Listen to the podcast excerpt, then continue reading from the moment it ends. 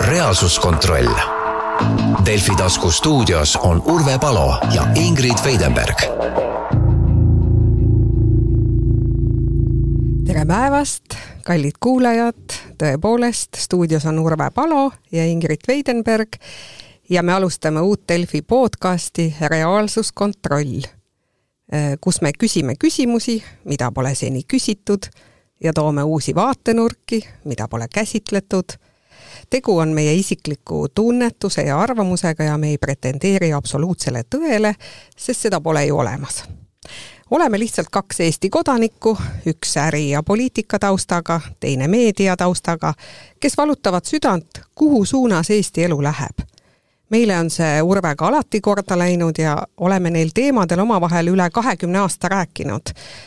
nüüd otsustasime mikrofonid ka käima panna tänases saates tuleb jutuks, miks tahetakse meid vaeseks teha, ehk siis elektri hinnast loomulikult.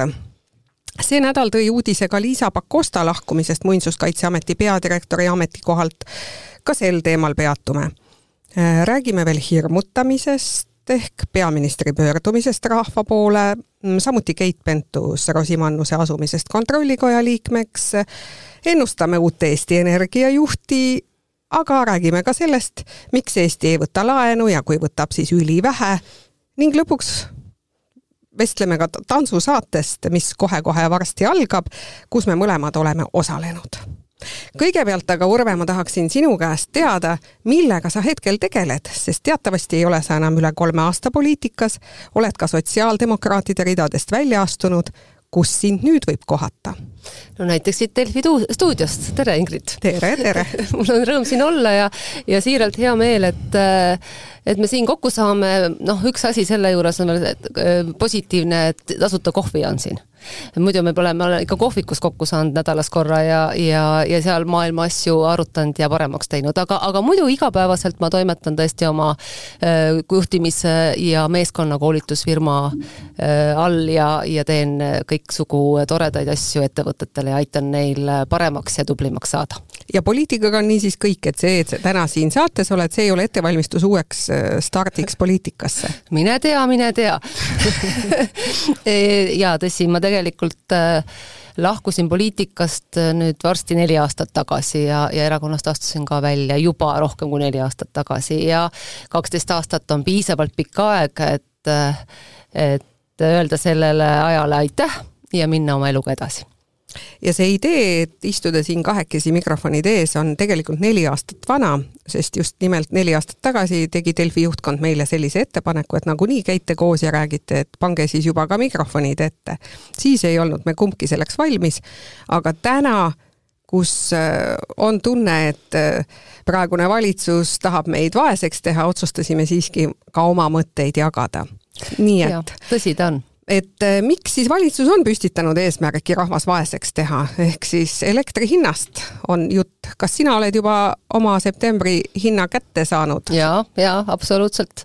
elektriarve saabus eile. nii, pisar tuli silma? Noh, eks meid on harjutatud juba eelmisest sügisest peale, et kaua sa ikka nutta jõuad, aga, aga piltlikult öeldes küll, jah. et midagi toredat seal ei olnud ja, ja kui ma mõtlen selle äh, fikseeritud hinna peale, mis meid ees ootab, siis äh, ega siis see ka väga tore ei ole, et see on ka üsna, üsna kõrge, nii et, et äh, elektrist rääkides siin on kohe mitu kihti, millest äh, peab rääkima, siin ei saa ühe lausega öeldud no kõigepealt tahaks siis peatuda sellel nii-öelda universaalteenusel, mis on rahva rahustamiseks leiutatud siis valitsuse poolt, et näete, me ju teeme ometi midagi, näete, kuidas me teid kaitseme. ja sellest universaalteenusest siis kaks kolmandikku on ühel või teisel moel riigimaksud, on siis dividendid, käibemaks, maapõuemaksud, CO2 ja nii edasi ja nii edasi. ehk siis äh, elektri omahind, mis, mida Eesti saaks müüa rahvale, on ju tunduvalt-tunduvalt odavam aga ometi meid pidevalt nagu eksitatakse sellega, et vaadake, kui palju me teie heaks teeme, vaadake, kuidas me pingutame. Ja saabub elektriarve ja nutt tuleb ikka peale. Jah, eks ta selline rohkem rahva rahustamiseks on tehtud, et näidata, et me midagi teeme, et muideks ma saabusin täna öösel äh, Pariisist ja, ja kohtusin seal ühe eestlasega, kes, äh, ma ei ole nüüd seda üle kontrollinud, aga, aga mul ei ole põhjust tema sõnades kahelda, et näiteks Prantsusmaal eelmine aasta sügisel äh, valitsus otsustas, et et fikseeriti hinnad tollel tasemel, et võib tõusta maksimum neli protsenti elekter ja gaas viisteist protsenti. inimeste jaoks, mis ei tähenda, et, et hinnad muidu noh, tootmine kallim ei ole ja, ja börsihinnad, aga, aga et, et kompenseeritakse, nii et Prantsuse elanik ei ole, ei ole tundnud rohkem kui nelja protsendi protsendilist energiahinna tõusu nüüd äh, elektril. Äh, noh, meie räägime siin ikkagi ju kordadest ja, ja, ja ka selle fikseeritud hinna puhul või äh, universaalteenuse puhul on, on hinnatõusud ju noh, väga suured, et ja selle valguses selle valguses ausalt öeldes ma pehmelt öeldes olen üllatunud, kuulates erinevate valitsusliikmete juttu teemal, et nüüd see, mis Euroopa Komisjon pani ette ja kus Eesti riik läks tegelikult vastu hääletama, aga see noh, hääletati siiski poolt, ehk siis hinnapiir sada kaheksakümmend eurot megavatt-tundi, mis alates selle aasta detsembrist kuni järgmise aasta märtsini on ja kõik, mis seda ületab taastuvenergia puhul, see läheb siis jagamisele selle asukohariigiga, kus seda taastuvenergiat toodetakse, et, et aidata kompenseerida hinnatõusust tulenevat elektriarvet inimestele. Ja, ja meie valitsus ütleb, et nemad ei kavatse seda teha, et äh, ma kuulsin sellist vabandust või põhjust, minu arust täiesti absurdne, et kuna meie oleme juba universaalteenuse teinud inimestele. ei, meil on kõik korras. sähke. Äh, jah, et meil ei ole vaja äh, mingilgi moel siis seda ülemäärast kasumit äh,, et ettevõtjad jagaksid riigiga ja meie omakorda siis inimestega, et meil ei ole seda vaja no ma ei midagi absurdsemat ei ole kuulnud ja, ja ja seda enam, et taastuvenergia tootmisvõimsused, mis on ka Eestis, ei ole ju tekkinud siia ilma toeta nad on kõik toetusega tulnud, ehk me oleme juba sellesse ähm, panustanud kõik, igaüks elektriarvet makstes. ja, ja seetõttu ma küsin, et huvitav, kelle huve kaitseb meie valitsus? vaadates ka Eesti Energia kasumit, siis äh, see on muljetavaldav tegelikult ja, ja mis see siis saab olla eesmärk, korjata rahvalt raha kokku ja jagada seda siis omal äranägemisel uuesti laiali. inimesed vaeseks, ettevõtted pankrotti, näiteks puidu- ja metallitöösturid, kellega ma olen siin viimastel kuudel rääkinud, ütlevad, et ees terendabki pankroti idee. ja Lõuna-Eestis väga mitmed on sul-, uksed sulgenud, käib saneerimine, inimesed on koondatud, teatud tööstusharusid ootab ees kollaps, kokkukukkumine miks ajab Eesti valitsus rahva ja ettevõtete vastast poliitikat? no vot, meie siin täna oleme, et küsimusi küsida, et vastused peaksid tulema ju kuskilt mujalt, et eh, ma küsin siia juurde, eh, väga, väga nõus su küsimusega ja küsin siia juurde nüüd ka teise poole, et, et mida Euroopa Komisjon ju, või Euroopa Liidu Komisjon võimaldas küsida, on, et ka sellistel puhkudel, kui energiafirmad, kes kaevandavad, äh, äh, on, on see siis põlevkivi või kivisütt või, või, või sellist energialiiki, et sellest on võimalik äh, ühekordset erakorralist kasumit maksustada kolmkümmend kolm protsenti, mis on siis sada kakskümmend protsenti suurem kui möödunud kolme aasta keskmine. ka siin on meie valitsus öelnud, et ei, et meie, meie, meie ei taha seda teha, sellepärast et siin on üks konks tõesti olemas, aga minu jaoks siiski mitte ähm, noh, piisav seletus. nimelt meie valitsus ütleb, et me ei maksusta äh, sellepärast, ei korja sealt maksu, et oma inimesi aidata, et meil on olemas juba põlevkivimaks ja ehk siis ressursimaks, mis on läinud nüüd viimase aastaga noh, tõesti palju kallimaks, nõus aga noh, minu teada käib ju see kasumi arvestamine sellisel moel, et kasum tekib siis, kui kulud on maha võetud. ja siinhulgas ka ressursikulud äh, on maha võetud. ja kui sellele vaatamata jääb ikkagi rohkem alles kui sada kakskümmend protsenti viimase kolme aasta keskmisest, siis ikka tekib mul küsimus jälle, et kelle huve kaitseb meie valitsus. nii et ja siis samal ajal, nüüd haakudes sinu jutuga, mm, ütleb meie valitsus, et oi, meil ei ole raha, et ettevõtjaid toetada. Ehm, hakkame nüüd apteekrit mängima, vaatame, kellele anname, kellele ei anna, väiksemad äkki saavad, suuremad ei saa, ma ei saa sellest loogikast absoluutselt aru ja selge on see, et äh, olgu see väike või suur, ettevõtja toodang, mida ta toodab siin ja Eesti, Eesti inimene tarbib, kui elekter on kallis, siis see jõuab lõpphinda ja see jõuab meie rahakotti läbi selle ka ja, ja universaalteenus on ju ka ainult eraisikutele, ettevõtjatele seda ei ole. absoluutselt. aga kust maksud tulevad? ikka ainult ettevõtlusest, et eh, kui üks kolmandik, mida on nüüd prognoositud Eesti majandusest kokku kukub, siis seda taastada on võimatu. ja kes siis lõpuks sellest võidab? just. nii et siin ma teen, julgen päris sellise avalduse teha, et kui meil oli koroonaaeg, siis äh, mäletad võib-olla ka, et räägiti sellest, et valmistuge kõige hullemaks ja ettevõtjad lähevad pankrotti ja ja suur tööjõupuudus ja, ja pankrottide laine on tulemas, tänu sellele, et tollane valitsus väga kiiresti reageeris ja ei mänginud apteekrit, vaid tegi ähm, palgatoetusmeetme äh, kiiresti, efektiivselt see aitas sellisel moel, et me ei räägi koroona ajal mitte majanduslangusest, majanduskasvust. ja no ma kardan, et tänase valitsuse puhul oleks hakatud siis apteekrit mängima täpselt samamoodi, kellele me anname, millal me anname, kas me üldse anname ja selle aja peale, kui otsus tehakse, on ettevõte juba pankrotti läinud või noh, ebakindlusest inimesed vallandanud. kas sulle ei tunde, tundu, Urve, et kõik meie hädad said alguse sellest, kui kuulutati välja rohepöörde nimeline moodustis?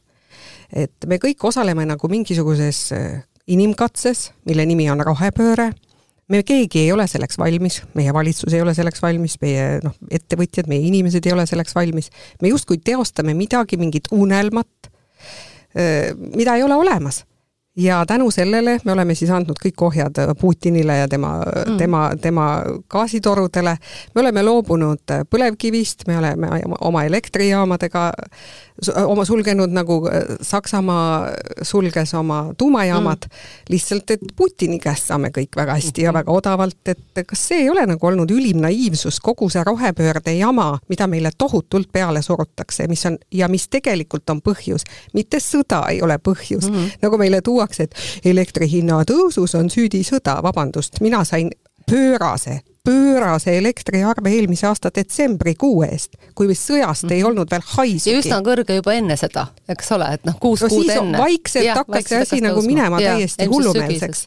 aga detsember oli ju väljakannatamatu mm. -hmm. kus see sõda siis ja, oli? nõus et eh, noh, kui me elektriturust üldse räägime ja siis eh, siin öelda, et oi, et meil on ju eh, börsikaup ja turukaup ja, ja vaba turg ja me ei saa siin midagi teha, noh, see on, on jama muidugi, sest et elektriturust rääkides siin ei, me ei räägi enam ammu turust, sest selle taga on nii palju poliitilisi otsuseid, alates rohepöördest, mille tulemusena on jah, võimsusi ju oluliselt vähemaks jäänud mis on jama, ütleme otsa no, välja, mis on täielik jama. no võimsusi võib olla, äh, no ütleme siis äh, mm, söe ja, ja, ja noh, mittetaastuvate energiate poole pealt ju muidugi sinna suunas võib liikuda, aga seda ei saa nii teha, et paneme ühed kinni ja asemele midagi ei tee.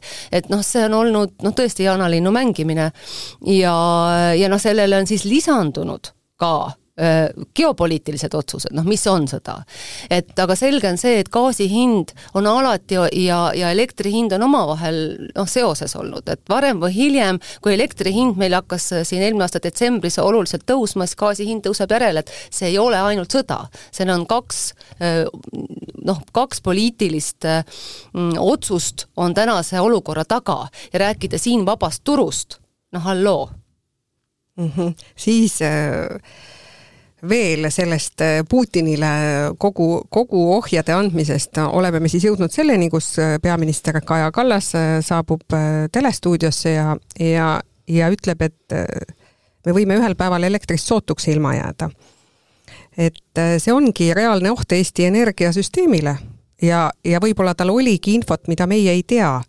ja, ja samas võib ju olla, enam-vähem kindel, et Putin ühel päeval lasebki Narva elektrijaama tammid alla ja sellega katkeb Eesti elektrijaamade töö. aga kas me saime peaministri pöördumisest teada, et mis me teeme siis, kui nii juhtub? mis on valitsuse plaan? kuidas peaksid Eesti kodanikud käituma, kui ühel päeval tõesti ei olegi elektrit ja väljas on miinus kakskümmend viis kraadi? Just, et siin hirmutamine ei aita ja ja mida peaks riik tegema, ongi, et samal ajal, kui luuakse taastuvenergia uusi võimsusi, jah, neid tuleb luua, aga need ei käi üleöö, on üks, ja samal ajal sellest üksi ei piisa. taastuvenergiaga on ju selline lugu, et kui tuul puhub, siis kui ta puhub. ja, ja seda on vaja aeg-ajalt kuhugi salvestada, salvestusvõimsusi meil ju ei ole ja selle peale loota ei ole võimalik, ehk siis on samal ajal vaja luua salvestusvõimsusi, samal ajal on vaja luua uusi võimsusi. Ja niikaua, kui meil ei ole ühte ja teist, niikaua ei ole tuleb kõne allagi, et me loobume olemasolevast äh, tootmisest, mis meil on äh, näiteks äh, Narvas. Lisaks ma enne, kui ma Kaja Kallase pöördumise juurde lähen, ma tahan ära mainida selle Nord Pooli teema ka et öelda, et, et ma mäletan hästi, kui, kui Majandusministeeriumist tulid esimesed sellised ähm, seletused kõrgetele hindadele, et äh, ei, Portpoolil pole häda midagi, aga me peame rahvale paremini seletama, kuidas see töötab mu küsimus on, et kas sellest lähevad elektriarved väiksemaks? ei lähe. ja see, et on, on selline süsteem loodud, kus pakkumine mm, noh, see loodi siis, kui pakkumist oli rohkem kui nõudlust. täna on selgelt vastupidi, see on poliitiliste otsuste tulemus ja nüüd, kus on nõudlust rohkem, siis tänasel moel Nord Pool vajab reformimist, ütleme selle siis selgelt välja ja ja ärme häma, et me peame paremini seletama inimestele. aga tulles tagasi selle pöördumise poole, see on muidugi üks äh, selline jada hirmutamiste mm, sellises äh, tsüklis mida me poliitikultelt kuuleme juba tükk aega, see lihtsalt päädis sellega. aga miks äh,, miks poliitikud teevad nii, äh, Ingrid, mis sa arvad, miks nad hirmutavad? et siis, kui asi käes, saaksid nad öelda, et aga näed, ma ju käisin telestuudios, ma ju ütlesin, et, et hunt võib tulla. just, et äh, punkt üks, kui äh, läheb vastutus ette ja, juba. just, vastu-, see, sellega justkui ta loobub vastutusest mm. -hmm, sest ma ju hoiatasin. mis on ju jama. et äh, ühest küljest, kui läheb paremini, siis ta saab öelda, et aa, tänu mulle läks paremini, oleks võinud teate kui hullusti minna. kes seda kontrollida ju suudab, et kas see tänu temale või kellele. teine pool on, ja kui lähebki kehvasti, aga ma hoiatasin. aga see on jama, kui, kui minister või, või peaminister või kes iganes poliitik, kes äh, kannab vastutust selle eest, et inimeste toad oleks soojad ja, ja e, energia oleks taskukohane, ütleb, et arvab, et läbi hirmutamise ta vabaneb vastutusest. mina ei kirjuta sellele alla ja mina sooviks hoopis teada, et, et jaa, tuleb stuudiosse kõik nii, hakkab rääkima nüüd sellest, et mis me nüüd teeme? et, et, et mis siis juhtub, kui Putin teeb sigaduse ja loota, et ta seda ei tee, on ülimalt naiivne. et kas on hakatud äh, kaevama mingit kanalit äh, ülesvoolu, et saada elektrijaamad jahutatud?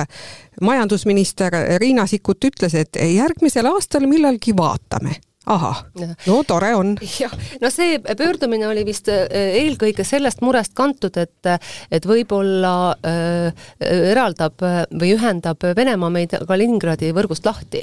me oleme täna ju Venemaaga ühes sagedusel ja selleks on ka neid ühendusi vaja, selle poolt ma olen, et elekter on, et, et, et ta ei oleks kõikuv nii-öelda, et neid sagedusi on vaja ühtlustada, et täna me tahame siis äh, Lääne-Euroopaga ühele sageduslainele saada, see võtab kõik natukene aega. ja et Venemaa omakorda siin lihtsalt nii lihtne tal ei ole meid lahti ühendada, sest sellisel juhul võib Kaliningrad, mis on omaette saar, energiasaar, jääda elektrita ja oli hirm, et nad, nad katsetavad. aga meil olid ju vastused olemas, hiljem me kuulsime järgmine päev Veskimägi ja ja Sutter ja, ja, ja erinevad asjatundjad andsid teada, et mis siis saama hakkab. milleks päev varem hirmutada, seda oleks võinud teha siis sellises kontekstis, et öelda, vaadake, meil on selline oht olemas, aga kui selline oht on, siis juhtub see, see ja see, me oleme absoluutselt, et käivitub selline stsenaarium. nii, punkt üks, punkt kaks, punkt kolm. rahvas, ärge muretsege. Aga mida tegi rahvas, rahvas läks, ostis poest ära kõik tuletikud, äh, seebid ja, ja, ja soola. sest peaminister arvas, et tema on nüüd hirmutanud, tema on vastutusest prii. aga noh, nii see asi ei ole. Ja, ja see on kurb, sest et teinekord, kui on ikka tõsine äh, pöördumine peaministril, ma loodan, sellist põhjust ei tule kunagi.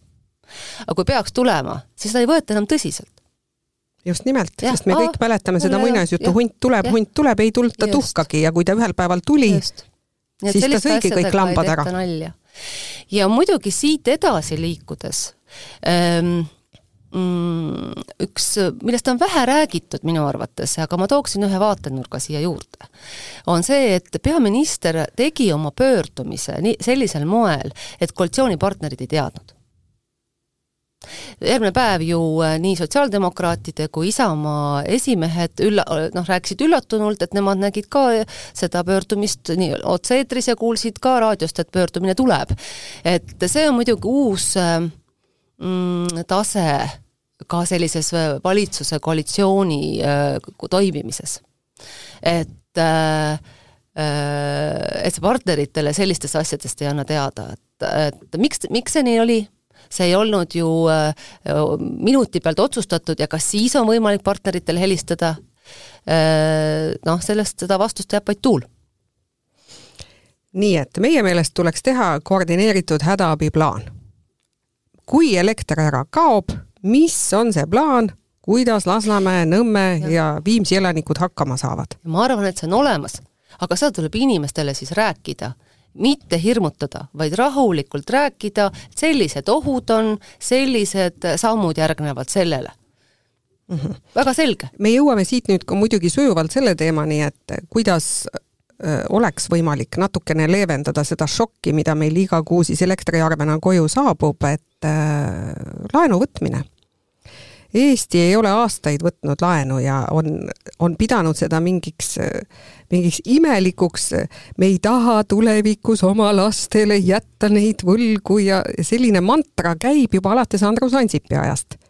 minu hinnangul tegi Andrus Ansip väga suure vea, jättes tol ajal äh, laenu võtmata, meil oleksid täna neljarealised maanteed, mis viiksid nii Tartusse kui Pärnusse, suurematesse linnadesse. meil oleks korralik infrastruktuur, me oleksime saanud osta rakette, et näidata Putinile, et kuule, me oleme hambuni relvastatud, kas sul ikka on mõtet meid rünnata? ja nii edasi. aga mida tegi Ansip? Ansip ütles, me ei võta laenu me ei jäta tulevastele põlvedele laenukoormat. jätame katkised teed. jätame kaherealised teed, kus te ennast surnuks saate sõita ja neid sõidab iga jumala päev mm.. väga-väga kurb. jätame sellise infra, mis, mis on selline noh, üheksakümnendad. et see kõik oleks olnud tehtud, tänaseks laen makstud, inflatsioon oleks kogu selle äh, intressitõusu või intressid ka ära söönud, me oleksime normaalne riik, nii nagu on Poola, kus on väga ilusad teed, ka Leedus on uhke sõita. Eestisse jõuad siis nagu maale mul on väga kurb selle pärast ja mul on väga kurb kogu aeg lugeda, et ei, me ei võta laenu kõik teised riigid võtavad, Prantsusmaa võttis jälle suure laenu peale, Eesti ei võta. meie järeltulevad põlved ei ole seda ära teeninud, vabandage väga, kus on need järeltulevad põlved, Eesti rahvaarv langeb ju. Eesti iive on ju, on ju nii miinuses, et millest me räägime, kus on see järeltulev põlv siis? ja miks me täna ei või hästi elada, mina tahan elada hästi täna, ma tahan sõita heal maanteel. mulle ei võimaldata seda mm. -hmm seda enam, et, et noh, üks argumente ju hea maantee ehituseks on ka olnud läbi aegade, et meil ei ole piisavalt liiklustihedust.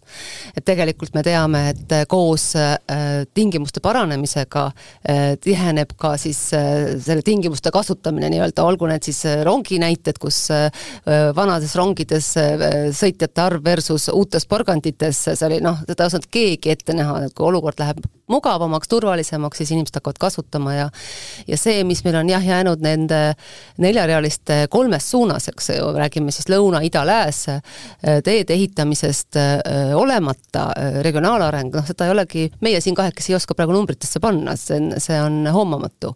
aga see on kuritegelik see olnud on, Eesti rahva jah. suhtes, et millistel maanteedel me peame täna Tartusse sõitma, okei okay,, on Mäoni, noh, super, Mäoni, tõesti hästi tehtud, aga edasi. ja mitme aastaga. ja mitme, kui palju aastaid selleks läks? Mäoni.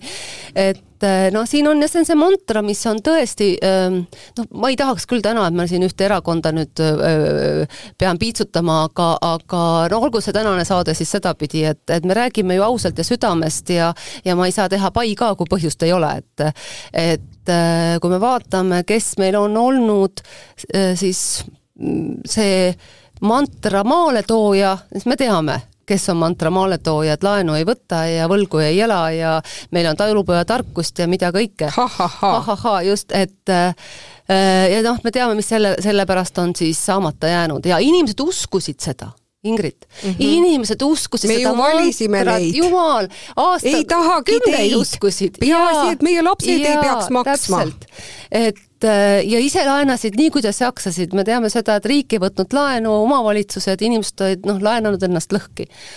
et ka täna on muideks niiviisi, et laenud muutuvad küll erasektori jaoks, inimeste jaoks ja kallimaks, seda on ju öeldud inflatsiooni öö, öö, hallata, aga riikide jaoks mitte ja, ja tõesti kurb, kui peaminister viib äh, riigieelarve mm, äh, parlamenti ja ütleb muuhulgas, et ta tunneb uhkust selle üle, et, et, et see on ikkagi väikse võlaga ja vastutustundlik, et noh, mina tunneks uhkust selle üle, kui seal on sees investeeringud, mis näitavad, kuidas Eesti riik äh, edasi kestab ja, ja me ju tõesti, tänane inflatsiooni valguses eriti on see, kui see lihtsalt sööb ju laenu noh, ta teeb laenu iga aastaga nii palju odavamaks, no mäletame kas või seda, kui me ise võtsime kunagi õppelaenu, Ingrid. tundus suur summa mm -hmm.. noh, kui maksmiseks läks, siis see oli, see oli ausalt öeldes naeruväärne no,. ega siis riigil teisiti ei ole no ja igal juhul me saaksime kasu, kui ka see ja. intress on kõrgem. igal juhul võidab riik, võidab rahvas, sest meil on vähemalt midagi olemas, meil on midagi valmis, meil on teed, meil on, meil on korralik infra. miks seda, meie jõuame ära surra ennem kui need teed lõpuks siis, lõpuks keegi otsustab, et kuulge, tõesti on tark laenu võtta. et ähm mm, ma olen sellel suvel, noh, Lõuna-Eesti suunas ma sõidan nagunii, aga see suvi kuidagi rohkem ka Pärnu suunas ja, ja noh, see on, on ohtlik, mis seal, mis seal teedel toimub aga seda enam, kui nüüd vaadata, mis järgmise ja edasi aastate eelarves on teedeehituse numbritega juhtunud, siis see on, see on niimoodi kokku kuivanud, et et teedeehitajad ütlevadki, et kui see nii läheb, siis nad on sunnitud noh, osa äh, ettevõtmisest kinni panema, inimest laiali saatma ja, ja ja oma siis need see raske mm, äh, noh, atribuutika, millega teid ehitatakse, mis on väga kallis, äh, maha müüma. keegi ei jõua neid lihtsalt hoida niimoodi äh, teeserva peal või kuskil laos, see on liiga kallis. aga kui siis üks hetk riik, riik otsustab, et hea küll, hakkame nüüd ikkagi ka teedesse panustama, siis seda ei teki üleöö, seda, seda võimekust uuesti. ja see on omakorda kallis, nii et noh, siin tasuks selliste asjade peale muidugi talupoja, vot, vot nüüd räägin talupoja tarkusest ja mõistusest, et et ähm, ja ka leevendada, sellesama laenuga saaks ju leevendada ka toetustena, maksta inimestele toetusi, et inimesed tuleksid toime selle talvega, mis meid ees no, ootab. alustaks kas või sellest, kui me, minu küsimused, et kelle huve kaitseb see majandusministeerium või valitsus, kui ütleb, et meie meil ei ole vaja üleliigset kasumit kasutada selleks, et inimeste toimetulekut toetada, meil on universaalteenus ja meil on kõik hästi mm. -hmm no ühesõnaga, oleme jaanalinnud, paneme pea liiva alla ja, ja elame oma elevandiluust lossis edasi. Eesti inimene on ju tubli. Eesti inimene saab ju hakkama. ja Eesti inimene ei tule mitte kunagi tänavale, ei ütle, et kuulge, mina mitte... enam nii ei ole nõus. jah, isegi me ei ole ka tüüpiliselt, ta ei tule isegi podcast'i mitte. Jah aga käivad kuulujutud, et et Eesti Energiale on uus juht tagakambrites ära valitud, et mis nime sina oled kuulnud, et nii magus, samas väga ütleme nii, et pekstav ametikoht, kus sa võid saada kõvasti negatiivset tagasisidet samamoodi. räägime nimedest. no vot, nüüd on hea, et ma saan ka natuke kiita valitsust muidu ma tunnen, et inimesed pärast kirjutavad, et aa, see Palo on siin valitsuse vastane lihtsalt ja nii. mina ei, ole, ole poliitik kunagi olnud, aga ja mina, mina ka. ei ole ammu ja, ja ammu, neli aastat on ikka pikk aeg. ja ma ei, veel ei tea üldse, keda ma valima lähen, nii et ma kuulan huviga, mida lubatakse ja millest räägitakse. aga nüüd on põhjust kiita, äh, mis puudutab Eesti Energia juhi vahetust Äh, siis mina arvan, et see, et vahetus tuleb, on õige. mitte, et mul oleks midagi isiklikult äh, äh, Sutteri vastu äh,, vaid äh, kui sa oled juba kaks aega olnud siis äh, eraettevõttes on see normaalne, börsiettevõttes vahetatakse, aga riigiettevõttes peaks see olema nagu selline noh, üldse mitte üllatuse koht, vaid selline äh,, et nii on. aga nii raskel ajal nagu tavaks. hetkel? mis siis, et ega ta üksinda ei juhi seda ettevõtet ja ja see oli minu meelest sellepärast õige otsus, veel kord, see ei ole isikuga seotud, see on printsiibiga seotud ja mina seda toetan ja kuigi ma ei tea valitsuse tagamaid, kas nemad lähtusid printsiibist või oli seal mingeid isiklikke konflikte, seda ma ei tea, ma võin aimata, aga, aga las need sinna jäävad, aga printsiibina on see õige. nüüd nimedest rääkides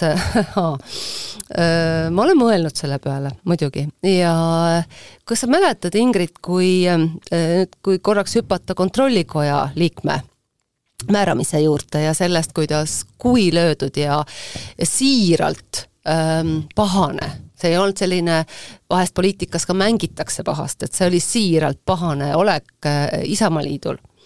et äh, seda nagu praegu ei ole kuulda väga või on seda raske üleval hoida, ma ei tea. aga mina julgen siit teha sellise järelduse, et äh, ma ei imestaks, kui äh, Juhan Parts on äh, üks tõsine kandidaat selle koha peale et pehme maandumine Kontrollikojast Eesti Energia juhiks? noh, kas pehme või mitte, aga, aga noh, see minu silmis äh, äh, tooks põhjuse, miks Isamaaliit on kui ka justkui leppinud selle Kontrollikoja äh, liikme määramisega äh, sellisel moel, et, et nad ei olnud nõus. ja siit on jälle üks paralleel, mida ma ennist tõin, mis puudutas Kaja Kallase pöördumist äh, ja ilma noh, partneritega rääkimata, siis see nüüd on järgmine samm.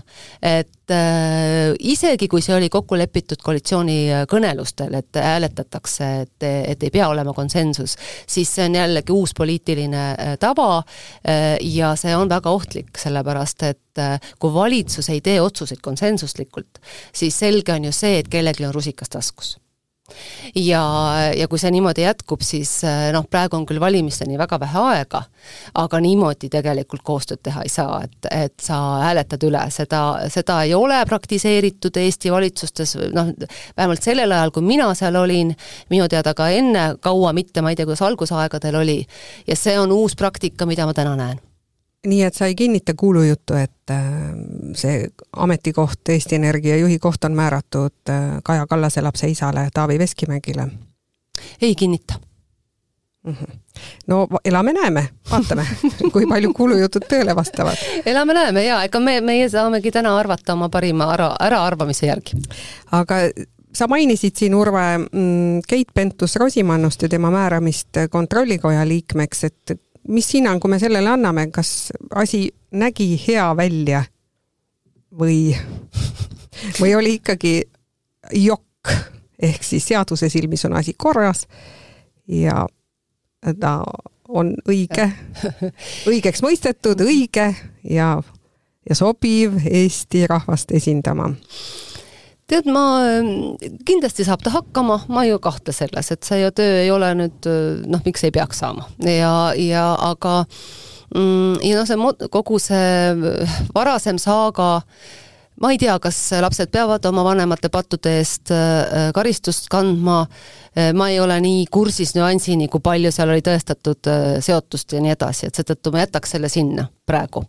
mina isiklikult jätaks, võib-olla sa oled rohkem informeeritud, et ma ei no, ole sellesse süvenenud. mina olen kursis nii palju, kui meedia on kirjutanud, ehk mm -hmm. et asi päädis sellega, et tollane Riigikogu esimees Ene Ergma ei andnud välja Riigikogu arvuteid kust kaudu siis kogu juhendamine ja liiklus käis, mismoodi siis isa firma Autorollo, Pentus-Rosimannuse isa firma Autorollo rahast tühjaks tehti ja, ja niidid viisid Riigikogu arvutitesse, aga mm. kuna Ene Ergma neid välja ei andnud, siis jäi loomulikult äh, Keit Pentus-Rosimannus õigeks kohtus see on Nii, jama aga, muidugi. ja, ja rahva silmis on mm, ja jääb ta no süüdi. kuna ta ei tahtnud ennast puhtaks pesta noh, tal, tal oli võimalus, kui need arvutid oleks antud, niikaua kui neid ei antud, niikaua jääb see alati õhku, et selles mõttes küll, jaa.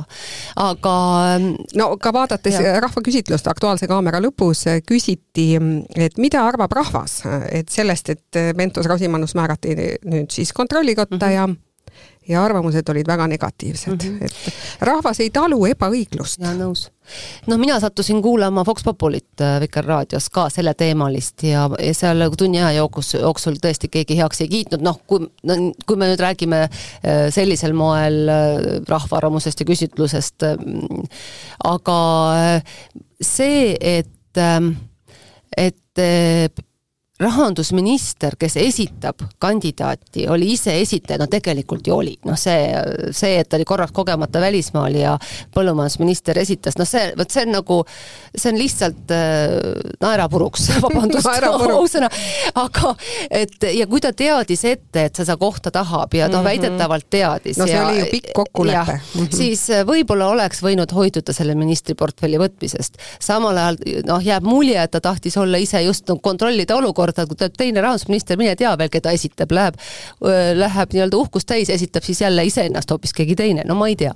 et see, selles valguses näeb, näeb halb välja, nõus ja, ja mina ikkagi toon ka selle, et, et selliseid asju ei tehta konsensuslikult valitsuse poolt, minule isiklikult kodanikuna see ei meeldi ma mäletan hästi, kui äh, Juhan Partsi määrati, äh, siis oli valitsus äh, tol ajal Reformierakond, sotsid ja, ja Isamaa. Ja kuna sotsiaaldemokraadid olid vastu, siis viibis pool aastat, nii kaua, kui saadi kokkuleppele, et hästi. ja ei jäänud kellelgi rusikas tasku, see on oluline.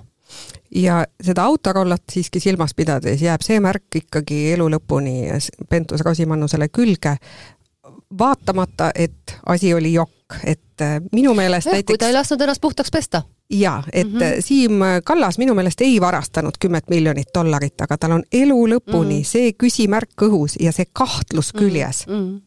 et see jääb. just jah, nii on. aga räägime nüüd ka selle nädala põhiteemast, mis on siis ajalehtede esiküljed vallutanud, et muinsuskaitseameti peadirektor Liisa Pakosta, kes alustas esimesel juulil väga ambitsioonikate plaanidega Muinsuskaitseameti juhtimist, tegin temaga isiklikult intervjuu LP ajalehte, need ideed olid vägevad, see jah, muinsuskaitse, mida tema hakkas esindama oli väga innovaatiline ja midagi täiesti enneolematut senises Muinsuskaitseameti ajaloos, sest siiani on olnud kolmkümmend aastat muinsuskaitse ei muinsuskaitse, ehk siis kui sa tahad midagi teha, sa võid juba eos arvestada, et vastuseks tuleb ametnike poolt ei. miks teil seda vaja on?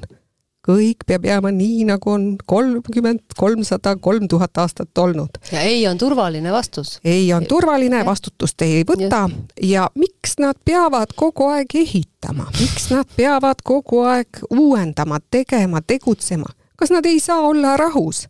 see oli senise Muinsuskaitseameti suhtumine asjadesse. miks ma seda nii kindlalt väidan, sest et ma olen vestelnud väga mitmete ettevõtjatega, kes omavad äh, muinsuskaitsemälestisi, on seal avanud ettevõtted, hotellid, spaad ja on näinud tohutuid näguripäevi ja kaotanud miljoneid närvirakke Muinsuskaitseametiga vaieldes. Liisa Pakosta oli päikesekiir, kes tõi sinna valguse ja täna, kolm kuud hiljem, on ta sealt õnnetul kombel ise omal soovil lahkunud. ja mida me siis lehest loeme? Ta on ööbinud Põltsamaal kuuekümne euroses hotellitoas. ta on ööbinud siin-seal kolmandas kohas.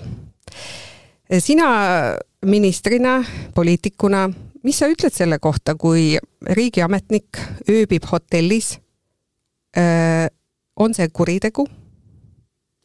No ma saan aru, no niisamuti ööbimine tõenäoliselt oleks, kui ta lihtsalt äh, oma, oma lõpuks ööbiks siin seal ja kolmandas ja, kohas. ja, ja, ja, ja kui võtan pere kaasa ja lähen teen endale meeldiva nädalalõpu, aga ja. Liisa oli siis ainus Muinsuskaitseameti peadirektor, kes sõitis maale, ehk siis tegi poolteist kuud ränka tööd, ma ise kohtusin temaga juhuslikult Lõuna-Eestis, kus ta oli tõesti juuksed kammimata peaaegu et ja teise, teist päeva sama kleit seljas äh, tõesti hommikust õhtuni koosolekutel koos kohalike muinsuskaitseametnikega, kes maakondades töötavad ja, ja külastas muinsuskaitseobjekte.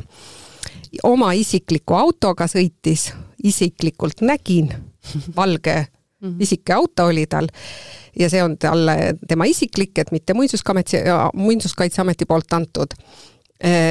ja see, et ta nüüd ööbis hotellis, on toodud esiküljele, et see on midagi halba. minu küsimus on huvitav, kui kallis hotellis ööbib tavaliselt kultuuriministeeriumi kantsler Tarvi Sits näiteks -hmm. või kultuuriminister ise. väga huvitav oleks lugeda, millistes komandeeringutes on nad käinud ja millistes hotellides peatunud. tahaks teada hinnataset jah, eks see on ohtlik tee praegu, ma mõtlen just selle eest äh, üles puua. et inimene teeb oma tööd, et äh, äh, see võib viia lõpuks sinnani, et, et ministrid, ametnikud ei julge enam äh, majast väljas käia ja teevad siis otsuseid oma kabineti vaikuses, et äh, nii et nagu seni on tehtud. just, et kus see läheb see piir, et äh, see, et Liisa Pakosta, noh, mina räägin nüüd seda, mida ma kuulen, ma ei ole Liisa Pakostaga rääkinud. Ähm, kui ta nüüd käis mööda Eestit uue juhina, tutvus oma allasutustega, selle tööga ja iga kord ei hakanud Tallinnasse tagasi sõitma, siis minu arvates see on ju noh, normaalne, elementaarne, et sa siis lähed ja ööbid.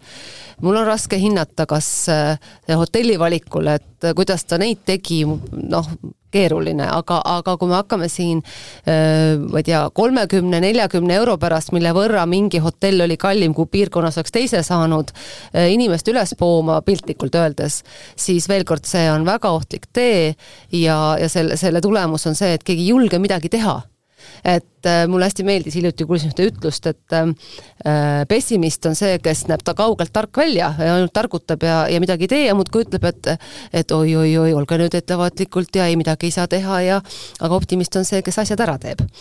ja, ja, ja võib ka jääda hammasrataste vahele, sest et kui sa hakkad tegema, siis on millest kinni hakata mm. -hmm. kui sa mitte midagi ei tee, siis ei ole mitte millestki kinni hakata, sest et sa võid alati öelda, aga küll ma töötan seal kabineti vaikuses ikka. Oi-oi-oi-oi, higi mulje on otsa sees.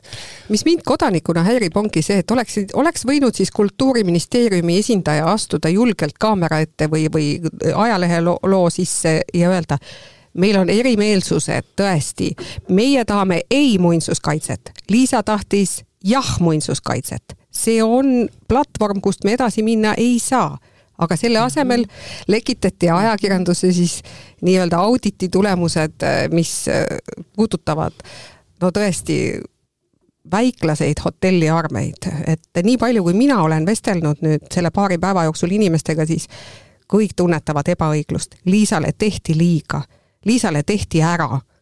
Ja see ei ole ilus aga kõigest sellest, äh, mida Liisa Pakosta ise arvab, kuidas see asi täpselt välja nägi, saab luge-, lugeda juba sel reedel ajalehest LP, kus ma siis teen Liisaga uue intervjuu kolm kuud hiljem. Nii et äh, aga noh, siin, siin on, siin on tõesti see teema, et, et inimlikult võttes ka ähm, midagi ju oli, jääb inimestel meelde ja, ja sa ei suuda igaühe juures käia ja seletada, et näe, ma tegin oma tööd, ma pidin kuskil ööbima, jah, ma võisin ka Tallinnasse sõita, aga see aeg ja raha, kütused on ju tegelikult sama kallised. ja, ja see ei ole võimalik jõuda.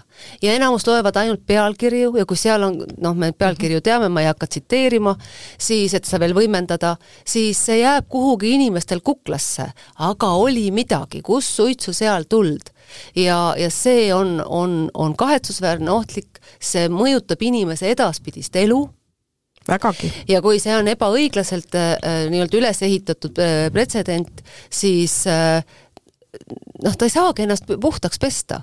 et, et Euroopa Komisjon ju tegelikult algatas Eesti vastu ka rikkumismenetluse ma lugesin eelmine nädal oli uudistes, ERR-ist käis läbi, et, äh, et me ei ole võtnud üle aastatega teatud õigusakte, mis ähm, mm, mis, mis, mille noh, vastuvõtmise korral oleks keerulisem inimesi süüdi mõista, enne kui nad on süüdi mõistetud avalikkuses tähendab, et kui on päriselt suut-, süüdi mõistetud, siis sa saad ka teda avalikkuses süüdi mõista sõnadega. aga et Eestis on, me teame ju väga palju juhtumeid, kus inimene on avalikkuses ka läbi ametnike sõnade ammu süüdi mõistetud ja hiljem selgub, et kohtuotsust kas ei tulegi see raugeb või tuleb õigeksmõistev, aga seda ei huvita enam keegi. et see Liisa juhtum on natuke pehmem, et siin nii hulluks asi ei lähe, aga see vari jääb temaga, see natukene noh, laieneb siia kogu sellesse temaatikasse ja, ja see rikkumismenetlus alustati nii Poola, Soome suhtes ka, aga Eesti oli üks nendest ja, ja ma ei saa aru, miks me siis ei võta neid akte vastu, et oma inimesi selliste asjade eest kaitsta, sest üks hetk võid sa ise olla selles rollis absoluutselt vabalt võid sa olla selles rollis, kus sinust, kes sa südamega püüad just. midagi paremaks teha, saab ühel päeval kaabakas, kui keegi nii ja, otsustab. kes võidab tantsusaate, Urve? alustab siis sel pühapäeval äh, TV3-s äh, uuesti peale päris pikka pausi saade Tantsud tähtedega ja meie sinuga võime sel teemal väga vabalt arvamusi avaldada, sest meie mõlemad oleme selle tantsusaate vilistlased. ehk siis mina osalesin esimesel hooajal ja sina olid mitmendal hooajal? äkki viimasel? Sina olid viimasel ma hooajal. pakuks praegu, ma ei ole päris kindel, aga tükk aega pole olnud ju. nii, ja nüüd siis mul sulle selline intrigeeriv küsimus, et sina osalesid seal samuti poliitikuna ja pühapäeval asub siis kepsutama meie kõigi silme all Riigikogu esimees Jüri Ratas. no mida me peame sellest arvama? kas raskel ajal, meil on nii palju teemasid olnud tänases podcastis, kus peaks tipp-poliitikud tegelema millegi muuga kui tantsimisega. No, ei ole see nii? ma küsin vastu. meil on tipp-poliitikuid, kes on läbinud maratone, peaministri presidendina on raudmehi läbi teinud ja me oleme neid kiitnud selle eest nii tubli eeskujuks, mõtle. ja kuigi ta ei jõudnud selle aja jooksul mitte ühtegi korda ministeeriumisse, sest ta valmistus no kui maratoniks. või maraton või raudmees, eriti raudmees, siis ei ole võimalik, et sa teed seda eh, oma kaheksa või kümnetunniste, kaheteisttunniste tööpäevade kõrvalt. see ei ole reaalne, see on selline pingutus, et sa pead palju aega veetma siis noh, treeningut tehes, et erineval moel. ja, ja ometi me oleme uhkust tundnud, et et president sõidab maratone või peaminister sõidab maratone, nii tubli, aga ometi selle taga on ju tohutu aeg treeningut. ja me võtame seda kui eeskuju nüüd ma küsin vastu, aga mis nüüd teisiti on? siin ei ole vaja treenida äh, kuid ja kuid, see on su sutsakas kaks kuud treeningut, Jüri Ratas ei mängi siis korvpalli nii kaua, sel ajal kepsutab tantsusaalis. mis sellest siis paha on? No vot, aga tegemist on ikkagi padu meelelahutussaatega. maraton, see on higi, see on veri, see on noh, tõsine pingutus, aga tantsusaade, see on tilulilu. tead, kui mina mõtlen oma tantsusaate peale, siis äh, oh, see on elu kõige jubedam kogemus, et äh, ja sest see on mitte midagi sellist, mul ei ole teist olnud, kus sa oled totaalselt mugavustsoonist väljas. seal ei ole mugavustsooni isegi väikest nurgakest kuskil et kui sa teed oma tavapärast tööd, on see poliitiku eraettevõtjana, siis sul on ikka kust kinni hakata, midagi on tuttavlikku. Aga kui sa lähed tantsusaatesse inimesena, kes sa absoluutselt sellega pole tegelenud ja siis sa järsku pead seal kõigi ees tantsima, sada, sada ja pluss tuhat vaatavad pealt ja kaamera, prožektorid, see on, see on selline eneseületus, et ähm, kõikide minu väljakutsete juures on see kõige raskem olnud nii et teist korda sa enam ei läheks? kindlasti mitte. aga, aga pärast seda sa oled nagu mm,, öeldakse muideks, et ähm, millal on inimesel väge inimesel on väge siis, kui ta, kui ta äh,, toimub muutus. kui midagi alustab või midagi lõpetab, siis on väge. kui inimene räägib väga selgelt, äh, kui ta räägib hingestatult, seda on näha, kas ta räägib väega, kas ta usub sellesse või ta ei usu sest sa jääd kuulama seda inimest, kes äh, räägib väega, kui ta sellesse ise usub. ja isegi, kui sa pole temaga nõus, aga sa jääd kuulama vot äh, sama on, on muutustega. ja see saade tegelikult, inimesed, kes sinna lähevad, ei ole ainult Jüri Ratas, ma arvan, need on enamus, kes seal osalevad, nad saavad sellise uue alguse oma, oma tegemistesse. et see on midagi enneolematut, sest nad tulevad totaalselt mugavustsoonist välja ja no selge on see, et valimistel saab Jüri Ratas erakordselt palju hääli, sest kõik poliitikud, kes on tantsusaates osalenud, on saanud väga palju hääli. Ma loodan, et, et ta ei muutu, vaata siin sõltub, kuidas Jüri Ratas käitub et kui ta peaks hakkama nii-öelda tõsihingeliselt äh, võidu nimel rabelema. tantsijaks, tahab tantsijaks saada, noh, siis, siis see, see bumerang võib ka vastupidine olla häälte mõttes, aga, aga kui ta suudab võtta seda kui meelelahutust, kui, kui tõesti enese proovile panekut ja sealjuures nalja teha ja inimeseks jääda, siis ta võib selle tulemuse hääli saada küll. aga ikkagi Jüri Ratas ei võida tantsusaadet, on ju? vaid tantsusaate võidab. kes sinu arvates võidab? no äh, ma mõtlesin selle peale jaa, sest, sest äh, me leppisime kokku, et me mõtleme natukene ja see oli selline äh, klaaskuuli mäng, mida ma siis tegin enda ette ja mina paneksin panused Birgit Sarrapile oi, ennustustabelid ei näita Birgit Sarapit kohe üldse mitte, esikolmikus isegi mitte. mulle on alati meeldinud erineda mina pakun selle eest jälle meest. mina mm. arvan, et sel aastal võidab tantsusaate Mees. ja kes? ja ma pakun välja kaks nime, see on kas Ruslan Trotšinski, kes on ukrainlane, kes tantsib, laulab väga hästi, tema puusad on ülilahti okay.. või võidab Juss Haasmaa, kes on sarmikas näitleja, kes oma partneriga on juba praegu huu, päris hea kombo mm. -hmm. nii et äh, kas ta on vallaline või? ta on vallaline. sealt võis siis paar tulla? no ta on ainus võimalus, kust paar saaks Aha. tulla sel korral, nii et äh, ma arvan, et seda intriigi sellel aastal ei ole seal, seda, seda armusädet ma väga ei, ei ennusta. aga Jussis ma näen küll sellist äh, tantsusaate võitja sellist nimbust pea kohale, et. et mina ei ole neid äh, ekraanil näinud. me keegi ei ole. ei ole, ei ole, ei ole näidatud. ei ole, see alles sel pühapäeval. kuidagi, et, et aga, aga miks ma Birgitit äh, arvan, ma ka põhjendan ka, et ega siis midagi ei tule niisama. mina arvan, et kuna väga suur osa äh, on Eesti rahval, kes seda hääli kannab, siis äh, ma arvan, et Birgit meeldib, ta on selline armas, südamlik ja noh, inimestele ta meeldib ja teisest küljest ta on piisavalt noor, julgeks arvata, et heas vormis, et ta oskab ka ära õppida selle, mis võiks meeldida siis žüriile.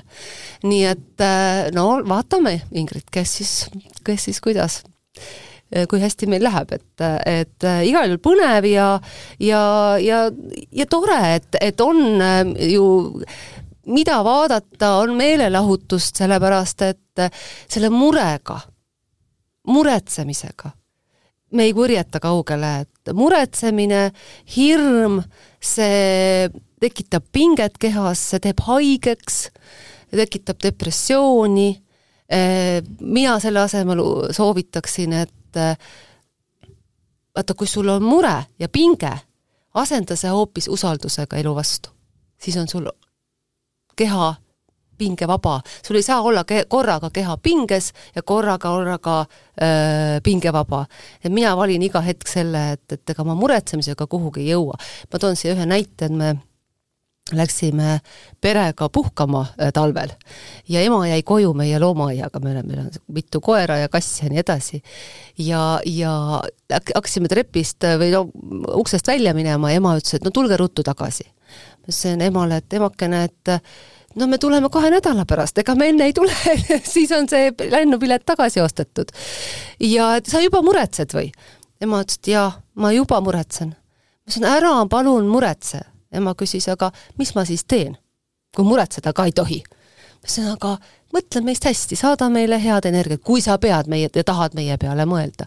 vot sellega on siinsama, et muretsemisega kaugele ei jõua ja kõige suurem, suurema stabiilsuse annab meile muutumine koos eluga.